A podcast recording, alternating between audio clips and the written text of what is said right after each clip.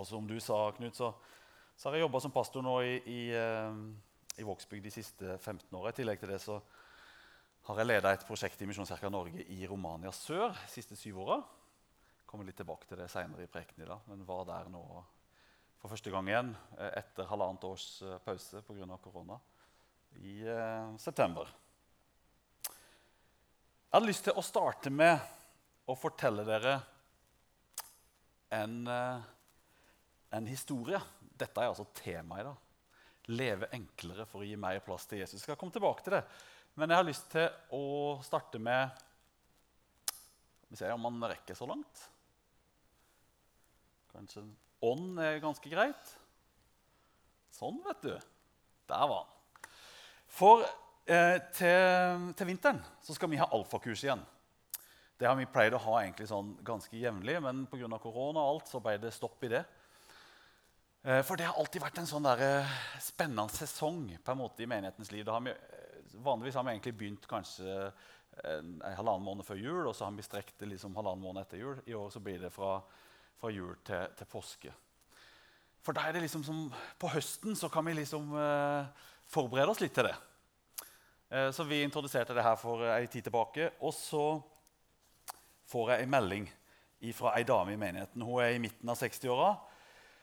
For uh, hun, Med en gang hun fikk denne her, uh, informasjonen om at nå skal vi ha alfakurs ja, i januar, og nå er vi liksom i, det var vel i oktober, så begynte hun å tenke på hvem er det jeg må be for. Eller hvem er det jeg kan be for? Og så gikk hun og tenkte litt på det her og holdt på med andre ting. Uh, sine vanlige ting. Og plutselig så dukka det opp et navn på ei dame. Um, og så var det akkurat liksom som, som det ble så tydelig for henne at hun der skal du invitere på alfakurs. Og dette var ei dame ikke hun hadde truffet på lenge og, og, eh, og ikke hadde noe sånn jevnlig kontakt med. Men det der slapp liksom ikke taket. Og dette var egentlig langt utenfor hos sin komfortsone. Og plutselig skulle liksom ringe noen eller oppsøke noen liksom bare heit sånn ut av det blå. Eh, men hun, dette slapp ikke taket, så hun bestemte seg for å gjøre det. Og for 14 dager siden så ringer hun denne dama. Og så får de en kjempefin prat. Og så er jo der selvfølgelig, som det alltid er, en historie på den andre sida som ikke vi vet. Og så kan vi koble oss da plutselig på en historie som kanskje Gud har forberedt, men som ikke vi var klar over. Og så ender det med at hun sier ja, hun vil være med på alfakurs. Og så kommer denne dama hjem vet du, til mannen. Og han, han, skjønte jo ikke hva som hadde skjedd, vet du, for hun var jo så høyt oppe. For hun var jo helt overvelda av, av liksom at, at, Gud ville bruke henne til dette her. Og at det, det var liksom klaff. Så jeg tror den dagen, jeg vet ikke om hun spiste noe den dagen, der i det hele tatt, men hun liksom bare svevde litt. For hun syntes dette var så spennende. Og så er det ei anna dame i menigheten da hun er i midten av 30-åra, som får høre om dette her, for vi har en sånn intern Vågsbygd eh, misjonskirke. Folk i Vågsbygd misjonskirke som ikke er en offentlig side, men som er en sånn intern. Så hun delte bare anonymt da, det der. Og så er det ei anna dame eh, i 35-åra som, eh, som, blir så inspirert. Så hun begynner å be. Og så eh, blir hun minnet på en på, på jobben sin. Og når hun kommer på jobb da, i forrige uke, så, så, tar hun mot til seg og begynner å preke med han her.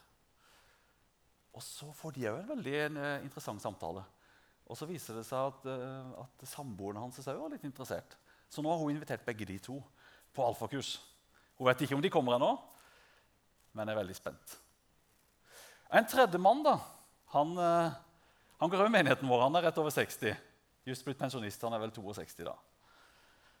Han ble jo inspirert av dette, her, og han har òg spurt, men de svarte nei. Men da sier de to andre, 'Det var så bra at du spurte.' Det er så spennende når vi begynner å touche innpå det som ligger fremst på Guds hjerte, nemlig at flere mennesker skal få erfare hans kjærlighet. For Det var jo aldri meninga at vi skulle sitte her liksom, og være fornøyd med at vi fylte denne plassen her. Men dette budskapet skulle jo ut til alle. Og så har jeg i det siste kjent meg utfordra på følgende Hvor mye plass får egentlig Jesus og det han er opptatt av i mitt liv? Og hva er det han konkurrerer med?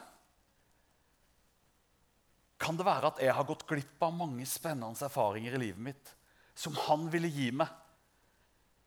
For jeg er jo så fryktelig opptatt med alle mulige andre ting. Det er ikke sikkert det gjelder her på Vegårshei, altså. men det gjelder iallfall i Vågsbygd. At når du er sånn i, midt i 40-åra pluss, så skjer det en del. Det er liksom ikke sånn at livet er helt stille og rolig. Og så kan det være forskjellige sesonger. Det, det, vet vi. Kanskje sitter du her og tenker ja, men mitt liv er ganske stille og rolig. Jeg tror at du skal få mye ut av denne prekenen likevel. Men det er iallfall det jeg har gått og kjent på. Og jeg har rett og slett kjent på at kan det være at jeg noen ganger trenger å forenkle ting litt i mitt liv for at Jesus skulle få mer plass til de tinga som lå på hans hjerte. Og Det har jeg lyst til å utfordre oss litt på i dag, og forhåpentligvis oppmuntre deg. Men hvis det er blitt så mange ting, da, så må vi jo finne ut av hva disse tinga er. Så jeg tok en, en lite sånn tilbakeblikk. For nå er jeg blitt 46 år og tenkte 40 år tilbake. Åssen så det ut da? Da begynner du å bli gammel. Det er tegn på at du begynner å bli gammel når du begynner å stille sånne spørsmål. Men han karen opp til venstre der, det er jo meg, da, seks år gammel, i 1981. Og Da så bilene omtrent sånn ut, og de som gifta seg og var kongelige, de så omtrent sånn ut. Og så har det jo skjedd litt på 40 år. Den familien oppe til, og Det er jo jeg veldig glad for, for å si det sånn, for det betyr jo at den familien som er oppe til venstre der, den, det er nå min familie. Det er kona mi Karianne, og så er det Fredrik det er han som er konfirmant, som var konfirmant nå i høst. Og så er det Rebekka. Hun er 19 og er på Hedmarktoppen nå. Og så er det Sunniva helt fremst. Hun er 12 og et halvt. Og så ser dere at bilene har jo forandra seg litt. ikke sant? Og de kongelige har òg forandra seg litt. Men mer enn det I 1981, dere Jeg håper du gjenkjenner noen av disse tinga her. Og så, jeg skal ta et testspørsmål etterpå, for det tallet 17 der det betyr noe helt spesielt i 1981. Det må du tenke på hva det kan bety. Men i 1981 var det sånn at vi hadde bare én fasttelefon hjemme. Hvor mange har bare én fasttelefon i dag? Jeg, jeg kommer straks til det til det neste bildet, men det har endra seg dramatisk. Jeg husker at jeg fløy første gang når jeg var 18 år. Og jeg kommer snart til hvordan det ser ut i dag. Og det var sånn at uh, nabo hos oss fikk jeg høre om hadde vært i Syden. Det landet hadde jeg aldri hørt om. Er det et land som heter Syden? Men det var et sted man begynte å reise på begynnelsen av 80-tallet. Og ja, folk hadde ferie, men hyttene så ganske enkle ut. Eller kanskje hadde man en enkel campingvogn, eller kanskje hadde man en enkel båt. Og hva betyr nå det tallet 17, tror dere? Er det noen som tør våge seg?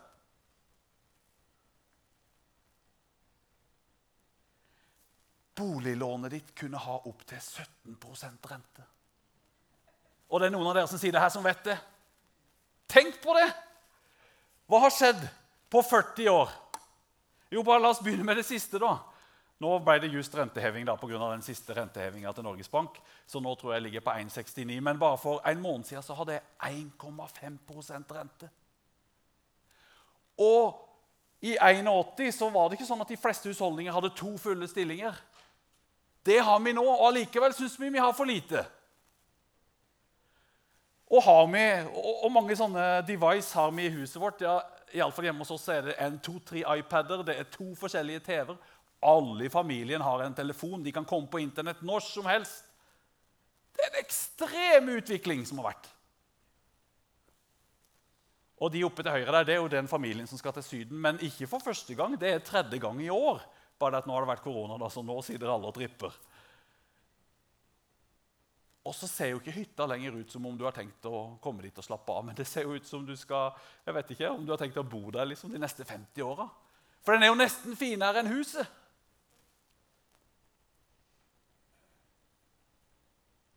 Så husker jeg i 81. Da var det sånn at jo, det var noen som var med i idrett, altså for all del. Eh, men, men vi gikk liksom på Frikirka. Og så hadde vi jakt som aktivitet. Det var liksom de to tinga. Og så var vi litt glad i fotball. Men du vet, hvis du har unger nå, vet du, iallfall i en by som Kristiansand, og de er kanskje i skolealder alle sammen, så er det gjerne tre-fire aktiviteter opptil på hvert barn. Og så skal du prøve å komme i kirka samtidig. Så er det jo ingenting av de her som er noe galt i seg sjøl. Det er jo fine ting. Problemet bare med vår økonomiske og velstandsmessige utvikling i vårt land er at det synes som om vi aldri får nok. Det er akkurat som vi tror at hvis vi bare får mer av alt, så vil lykken øke. Og så vil vi få det bedre. Men ett blikk på kloden vår og det nylige klimatoppmøtet viser oss jo at det er jo ikke det som skjer. Det er jo mange som får det verre når vi stadig vil ha mer. Dette kunne vi snakka masse om, og dere skjønner at dette er et vidt tema, men vi skal bare zoome det inn, og så skal vi spørre hva gjør dette med troa vår? Hva gjør det med relasjonen til Jesus? Hva gjør det med mitt engasjement for min neste og for menigheten? Det jeg har sett inn i mitt liv, det er at det er liten tvil at troslivet mitt lider.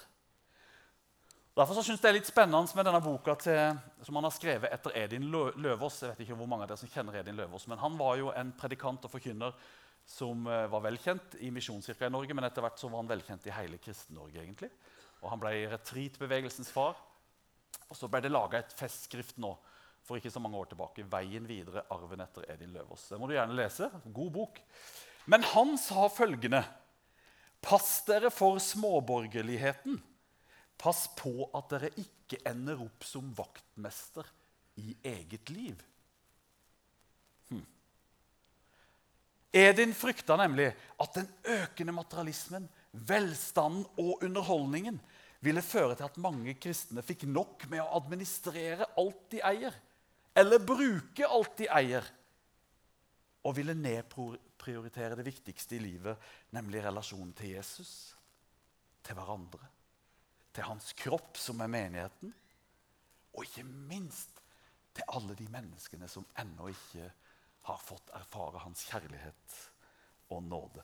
Jesus sier følgende.: Der skatten din er, vil også hjertet være. Jeg har ofte tenkt at det er motsatt. vet du. Hvis jeg bare har hjertet på rett plass, så vil alle skattene mine komme på rett plass òg. Men så er det ikke sånn. Der hvor skatten vår er, hva er skatten? Jo, det er jo det vi bruker mest tid på. Energi, engasjement, oppmerksomhet, penger. Dit vil hjertet gå. Vi kan prøve det motsatte, men hjertet vil gå dit.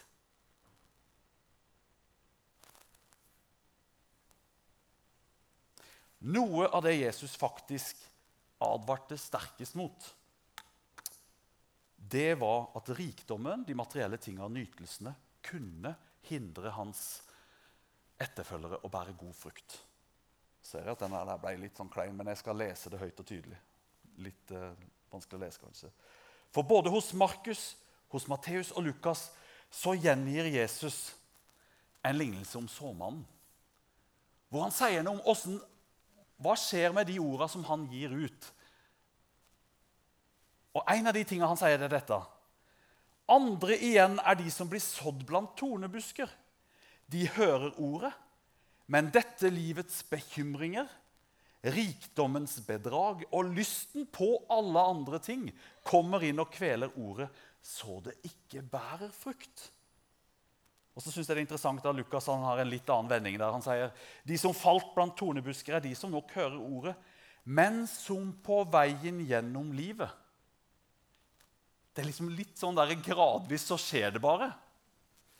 Kveles av bekymringer, rikdom og nytelser, så de ikke bærer fullmoden frukt. Vi hører ordet fra Jesus. Vi lar oss inspirere han på en gudstjeneste eller på en god konferanse eller når vi satt hjemme med Bibelen. Men så kommer vi ut i livet, og så er det akkurat som det bare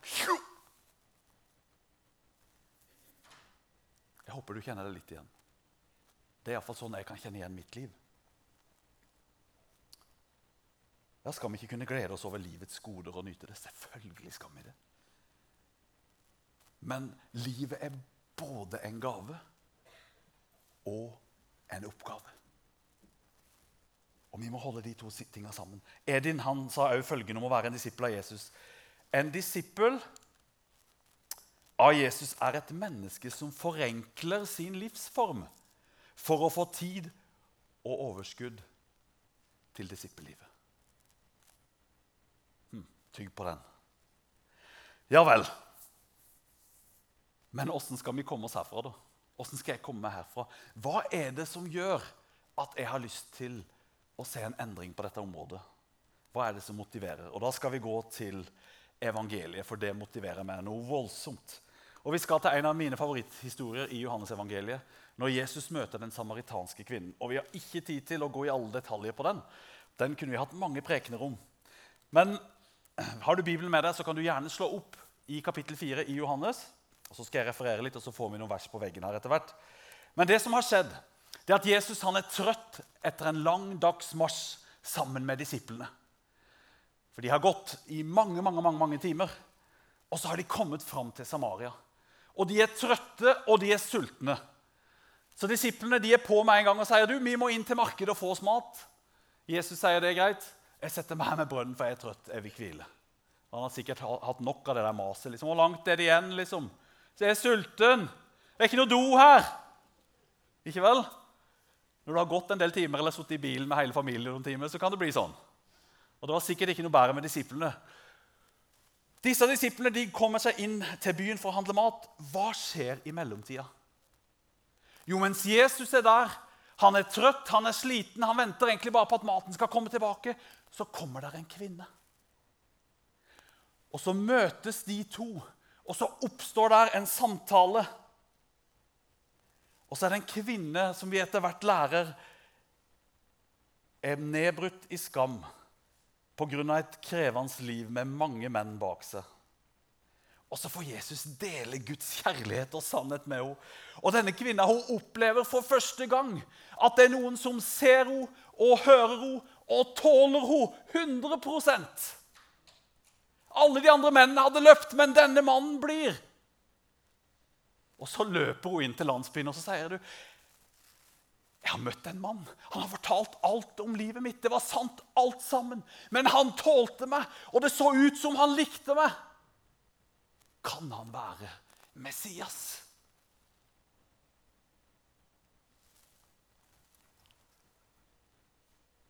Og så kommer disiplene tilbake, og da går vi inn i teksten. For da står det følgende i mellomtiden ba disiplene Jesus, 'Rabbi, kom og spis.' 'Jeg har mat å spise som dere ikke vet om', svarte han.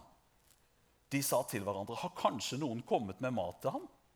Men Jesus sa til dem, 'Min mat er å gjøre det han vil, han som har sendt meg, og fullføre hans verk.' Dere sier, Ennå er det fire måneder til innhøstningen, men jeg sier dere, løft blikket og se på markene. De står alt hvite mot høst. Disiplene de var kun opptatt av åssen magen kunne bli mett. Og ikke rart, de hadde gått hele dagen. Så deres fokus det er markedet, det er mat. Har du lagt merke til det av og til? Hvis, hvis du har mye å gjøre en dag, så blir fokuset veldig smalt. vet du. For du skal, du skal kanskje levere ungene i barnehagen eller du skal kjøre dem til skolen.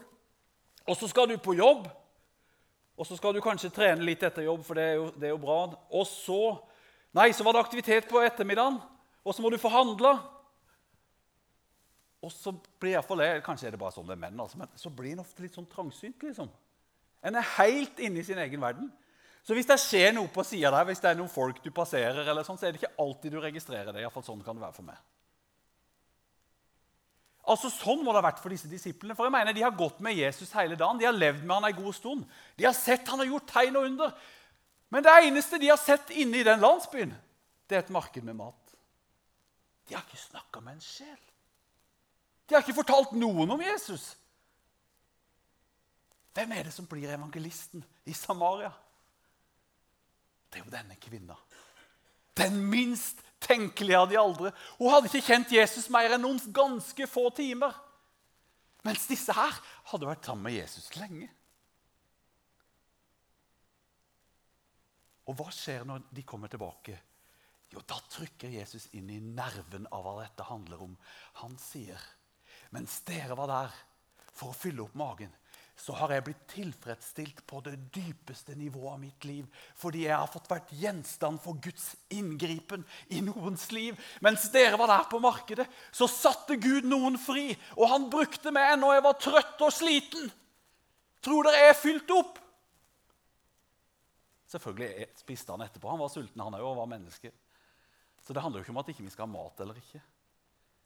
Men det handler om å være tilgjengelig for at Jesus vil gjøre noe midt i den hverdagen der vi er trøtte og slitne. Fordi han elsker. Fordi han ønsker å nå noen flere mennesker. Og En interessant detalj i denne historien det er jo det at Jesus hadde jo ikke trengt å gå til Samaria den dagen der. Antagelig hadde de en svær diskusjon om morgenen, han og disiplene. For Disiplene visste i alle fall at var det én plass de ikke skulle, så var det til Samaria. Jeg mener Det var et ureint folk der, og nå hadde liksom populariteten til Jesus begynt å bygge seg opp. Nå var Det liksom, det begynte å nærme seg klimaks av hans tjeneste. Og det å gå til Samaria oh, det ville være tommel ned altså, fra veldig mange folk. Det var helt unormalt for en jøde å gå rett dit. De ville gå rundt. Hvorfor velger Jesus allikevel å gå til Samaria? Vi vet iallfall at Jesus ofte trakk seg tilbake. Og så måtte han lytte til én stemme først, før alle de andre stemmene kom inn. Nemlig sin far i himmelen. Jesus tok til orde og sa til dem, sannelig, sannelig, jeg sier dere, sønnen kan ikke gjøre noe av seg selv, men bare det han ser sin far gjøre. Det gjør også sønnen. Vi vet at Jesus stadig trakk seg tilbake, og det tror jeg han gjorde denne morgenen òg. Jeg tror han hadde ei stund med sin far. Ny dag. Og tenker du på i dag, så er det ikke sikkert han fikk noe mer enn akkurat det ordet der, Samaria. Det er ikke sikkert han visste at det var en kvinne der engang. Det er ikke sikkert at han visste at det kom til å skje noe fint der i det hele tatt. Eneste kanskje han visste det var at Samaria, dit er det langt å gå, og dit vil ikke disiplene. Da blir det en fryktelig krangel før vi kommer i gang. Det kan jo være litt sånn som vår hverdag av og til. Den kan starte med en krangel eller en heftig diskusjon. eller...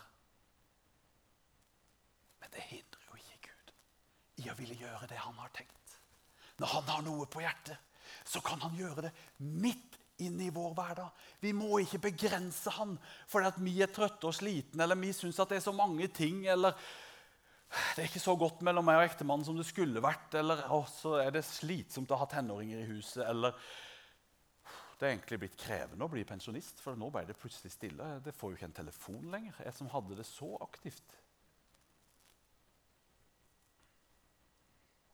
Du vet at Guds rike det går utapå alt det her. Jesus ønsker å gjøre noe midt i det livet vi har. Men kanskje trenger vi noen ganger å forenkle litt og stoppe litt opp. Kanskje trenger vi å spørre oss sjøl hvem er det vi lytter til. Lytter vi bare til hva andre sier? Eller lytter vi til Han og de prioriteringene som ligger på hans hjerte? Personlig så har det blitt en sånn vekke for meg. For jeg merker bare det at med den utviklinga som har skjedd de siste 40 år, så er det ikke sånn at den utviklinga stopper. vet du. Det er svær kvern, det. Det er vi som må være bevisst hvordan vi forholder oss til den. Vi kan ikke bare stoppe den. liksom, Stopp verden, det går for fort! Nei, vi må stoppe opp. Og så må vi spørre Jesus hva kan jeg gjøre. Trenger jeg å gjøre noen justeringer? For jeg tror at vi kan stå i fare for å gå glipp av den dypeste tilfredsstillelsen han hadde tenkt at vi skulle få lov å være med på i hans rike, fordi at vi er opptatt med alle andre ting. En historie om en av mine troshelter. Ikke han til venstre der, altså. Det er meg. Men han til høyre der heter Wilhelm, Bjarne Wilhelm Langmyr. Dvs. Si han døde 10.10. i høst. Jeg traff Wilhelm for første gang for litt over 20 år siden. Da hadde han begynt et arbeid i Romania sør. Og eh, hadde begynt å reise dit når han ble pensjonist. Og det er jo interessant i seg selv, For dette er jo et kjempefattigslig område. Og det er ikke dit de fleste pensjonister begynner å reise når de blir pensjonister. Men det gjorde altså Wilhelm. Opptil sju-åtte ganger i året på det meste. Jeg tror familien hans og andre syntes at det her var litt, eh, litt heftig, men, eh, men, det var noe som drev han der. To dager før Wilhelm døde, altså 8. oktober, så var jeg ved sykesenga hans. Da hadde legene akkurat vært inne her. Han ble 88 år gammel. Da hadde legene akkurat vært inne og hadde sagt til henne at det er ikke mer vi kan gjøre for deg. Når de tinga du har i kroppen nå som hjelper deg, slutter å virke, så vil du dø. Så han var forberedt på det. Det var en litt absurd opplevelse. det må jeg bare si det, for når jeg kom inn der, så så jeg bare et stort smil. Og Så satt kona på sida, så kunne jeg ikke komme fort nok bort til senga før han måtte begynne å fortelle om alle de menneskene som hadde vært innom, og alle han hadde delt Jesus med. Og de sykesøstrene som hadde vært der, det var fire stykker, de hadde fått evangeliet alle sammen. Og han venta på noen flere som skulle komme. Og han snakka på inn- og utpust, selv om det var bare bitte litt igjen av lungene. for det var det som hadde skjedd. Han hadde fått korona, så hadde han fått lungebetennelse, og så var det ikke noe å gjøre. Og Så sier kona til slutt du, Wilhelm, nå må du, nå må du la, la, Jens Kåre fortelle noe her. for han, Vi skal fortelle litt fra romanen. Ja, ja, ja, ja, ja. Og så må jeg fortelle han litt fra hva som har skjedd i Romania. Og Før jeg kommer til det Wilhelms liv det var fylt av en dyp glede og en dyp tilfredsstillelse over å se Gud sette mennesker fri gjennom evangeliet. Og Den driven var så stor at sjøl to dager før egentlig at han skal reise, så er det det som fortsatt fyller livet hans. Det er det han fortsatt tenker på. Er det noen flere i familien som ikke har fått komme hit? Og det var Noen som var i Danmark, vet du, og de jo, skulle jo komme seg, rekke å komme seg hjem. og alt sånt. Så han sa til Jesus Jesus, jeg, jeg har hørt at du har sagt to dager, men du må utsette litt, for jeg må få preka med de to der.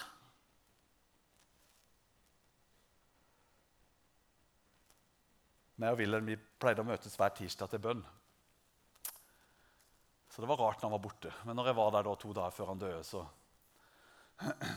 så sier han til meg, 'Jens Kåre, jeg kan ikke love at jeg kommer på tirsdag, men vi og Jesus vi skal be for deg.'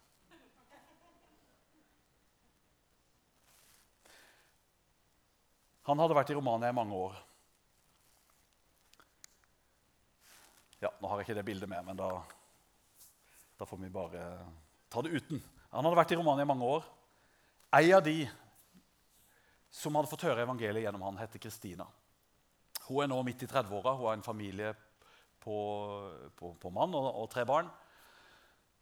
Jeg tenker at Hun fikk møte Wilhelm når hun var en, en, en 16-17 år. Og Gjennom hans forkynnelse så fikk hun virkelig møte Jesus. Og ikke bare det, men Hun opplevde et sånn tydelig kall til å bety en forskjell. Og dette er, altså Særlig for en 17-18 år siden så var det, det var fattigslige, veldig fattigslige landsbyer. Altså det er sånn at du, du, må tilbake til Norge under krigen nesten eh, for å finne de samme forholdene i enkelte av de landsbyene. Men hun, det vekkes noe i henne. Og det fører til at hun engasjerer seg. Og En av de tingene hun engasjerer seg i, det er en organisasjon som heter Free. Den organisasjonen hjelper unge kvinner som er utsatt for prostitusjon og trafficking. Romania er et sånn arnested for det. Sender folk til hele resten av verden. Og så opplever at, hun, at Gud får bruke henne. At hun, eh, og hun er uredd. Hun er ute på gata og snakker med disse kvinnene. Hun må passe seg for pimpene som, eh, som eh, er stadig på utkikk. ikke sant? Og de får oppretta bl.a. et safe house som de kaller Talita Home. Og der får jeg komme i september nå i år. Og så får jeg høre historiene. Og så sitter det ei dame der som heter Georgiana. Og Så eh, skjønner jeg at hun er gravid. Så forteller hun at hun har et barn til, og så forteller hun at dette er mannen min. Og så er hun en av medarbeiderne på, på senteret der. Og når de forteller, vet du, så, så er det bare så det, det, bare så det dirrer. Og det gløder i øynene over det de får lov å være med på. For de kombinerer topp profesjonalitet og Guds kjærlighet og nåde i sin tilnærming til disse kvinnene. Og får lov å se at mange av dem blir fri. Og så blir jeg så berørt når jeg sitter der. Og så må jeg på et tidspunkt si at eh, Når jeg sitter og hører på dere, så er det så jeg hører Jesus si 'Jeg er kommet for å oppsøke det som er fortapt, og frelse det'. Sette det fri, gjøre det helt igjen. Det er jo det frelse betyr. I tillegg til å bringe til himmelen. da. Men det er jo òg noe som gjelder livet her og nå. Og så merker jeg når jeg sier det, at hun blir så berørt, og hun begynner å gråte. Men så sier hun ikke noe mer. Men rett før vi skal gå, så kommer hun bort til meg. altså. Tar hun tak i hånda mi, og så sier hun, 'Jeg må fortelle deg en ting.' For ti år siden så gikk jeg på gata i Oslo. Og da kommer det en person til meg og deler om Jesus. Det er derfor jeg er her nå. Det er derfor jeg har et liv her hvor jeg har fått en mann. Jeg har et barn på to, og jeg har en i magen. Og så sier de andre Georgiana hun er den beste vi har. For hun er så god til å prate med disse jentene om Guds kjærlighet. Tror du jeg var mett når jeg reiste fra det møtet der? Tror du jeg var tilfredsstilt på det dypeste? Jeg hadde ikke trengt å spise resten av dagen. og det kunne vært greit, for I romanen så får du mat hele tida. Så hvis du er der i uke, så har du lagt på deg tre kilo når du kommer hjem. Men det er det Jesus er ute etter. Når vi var sammen her på, på tirsdag, det var veldig fint med lederskapet, og så hadde vi en stund når vi ba sammen. og Flere fikk eh, ord inn. Det var kjempefint. Og Da begynner jeg å kjenne på en sånn sitrende spenning i kroppen. Nesten sånn som det er første gangen du skal på elgjakt og har venta du er 16 år og kan gå første gang. Eller et lite barn som skal våkne på julaften. Eller om du er veldig glad i sport, og det er ditt favorittlag som spiller, og nå gjelder det alt. Som det egentlig gjorde i går, da, men Men en sånn sitrende spenning. Og så er det som Jesus sier. Jeg kjenner på sånn en sitrende spenning for hva denne menigheten skal være, være, med på. Men så gikk han jo ikke inn her. Det var det som var så rart. Men han gikk og pekte på døra. Og så sa han at det er der ute de store tinga kommer til å skje. Den spenningen jeg kjenner at dere skal være med på, det er utafor disse veggene. Det er de menneskene jeg har tenkt å berøre. Det er de menneskene jeg ville at du skulle være med og bringe min kjærlighet til. Og så er det som han har noen fete retter til oss som ligger og venter. Men så ser jeg at for min del jeg blir så opptatt av mine egne ting at jeg kobler ikke på. Oi, nå må jeg kjappe meg. Nå skal jeg gå for landing. altså. Jesus sier, 'Tyven kommer bare for å stjele, drepe og ødelegge.' 'Jeg er kommet for at dere skal ha liv og overflod.' Du vet, Noen ganger er tyven veldig synlig. Men andre ganger så kommer det bare sånn snikende. Det bare eter seg inn på vårt område, liksom. Og sånn tror jeg det er litt med velstanden vår. Med alle tinga vi skal være med på. Med alle ting vi skulle ønske vi hadde som gjorde det litt bedre. Det er akkurat sånne ting som Vi merker det nesten ikke. Det bare akkumuleres. Iallfall er det sånn for meg. Men så sier Jesus òg Oi, det var litt fort. Men de som ble sådd i den gode jorda, er de som hører ordet, tar imot det og bærer frukt 30, 60, ja 100 ganger det som blir sådd. Og Det som jeg synes er så fascinerende med, med en åker eller med en, en flekk i hagen, da, det er jo det at det ene året så kan den være helt svart. Og Det kan være forskjellige grunner til det. Noen ganger må man jo legge jorda brakk et år òg. Men så skal det ikke mer enn litt luking, litt sol, litt varme, noen nye såkorn. Og så kan den samme flekken den kan jo bugne av ting den neste høsten. Det er de gode nyhetene til oss. Og det er de gode nyhetene der hvis du kjente at vet du hva, det du har snakka om nå, det treffer meg. Det har vært en sesong i mitt liv hvor jeg opplevde mye mer av dette her. Men nå er det så mange ting som har liksom Selv som Jesus vil si, vet du hva? Det eventyret det er rett utenfor døra. Det er der i morgen. Det er ikke sånn at du liksom trenger å vente en lang framtid på det. Jeg vil bruke deg til å bære god frukt. Og så betyr jo selvfølgelig ikke det at mange, mange, mange, mange av dere gjør det allerede. Men jeg tror Jesus ville på en måte spisse noe her. Hva er det jeg kan gjøre? Jo, jeg må stoppe opp og komme til meg sjøl. Det var ikke bare den bortkomne sønnen som måtte det. Jeg må det mange ganger. Og så må jeg ta et blikk på livet mitt og så må jeg spørre meg Jesus, hva ser du? Kan jeg gjøre noen justeringer, slik at det livet du har for meg, blir mer tydelig? En bønn som har hjulpet meg, og det er en bønn av Edin Løvaas. Du skjønner det at jeg er blitt litt glad i han.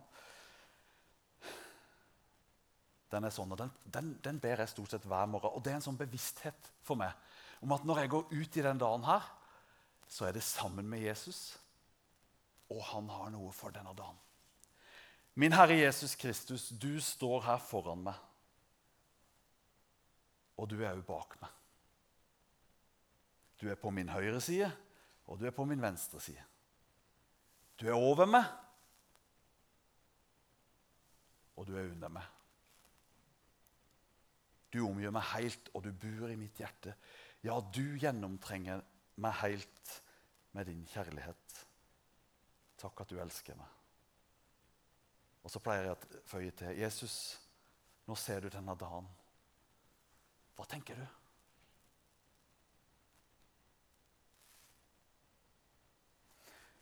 Men det kan hende at du trenger å be en annen bønn.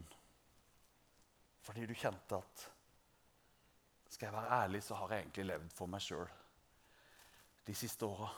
Ja, jeg har jo gått her på gudstjeneste, jeg har vært med i gruppe og sånn, men det er egentlig alle de andre tinga som opptar både tankene mine og pengene mine og hele fokuset mitt. Da kan det være behov for å be en bønn omtrent som det her. Tilgi meg, Herre at jeg igjen har tatt kontrollen over mitt liv. Eller har gitt den til andre krefter. Jeg vil på nytt gi livet mitt til deg. Fritida min, karrieren min, familien, hus, hytter, biler, ja, alt hva jeg eier. Jeg vil at du, Herre, skal hjelpe meg å forvalte alt jeg er og har, til det beste for ditt rike. Og så har jeg lært å kjenne Jesus sånn at han er veldig konkret. Han kaster ikke på oss noe sånn generell dårlig samvittighet. Nei, Hvis det er noe han lengter etter å se en endring på, så er han veldig tydelig og konkret.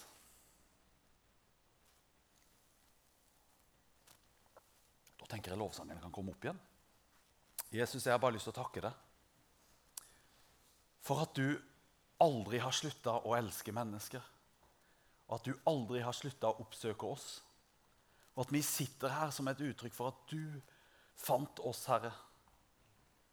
Og vi fikk lov å tilhøre deg. Vi fikk lov å kjenne på den friheten, vi fikk lov å kjenne på den gleden.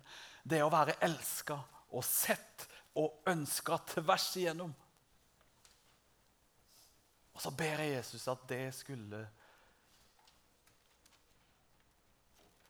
kalle oss til å ville gi den kjærligheten videre.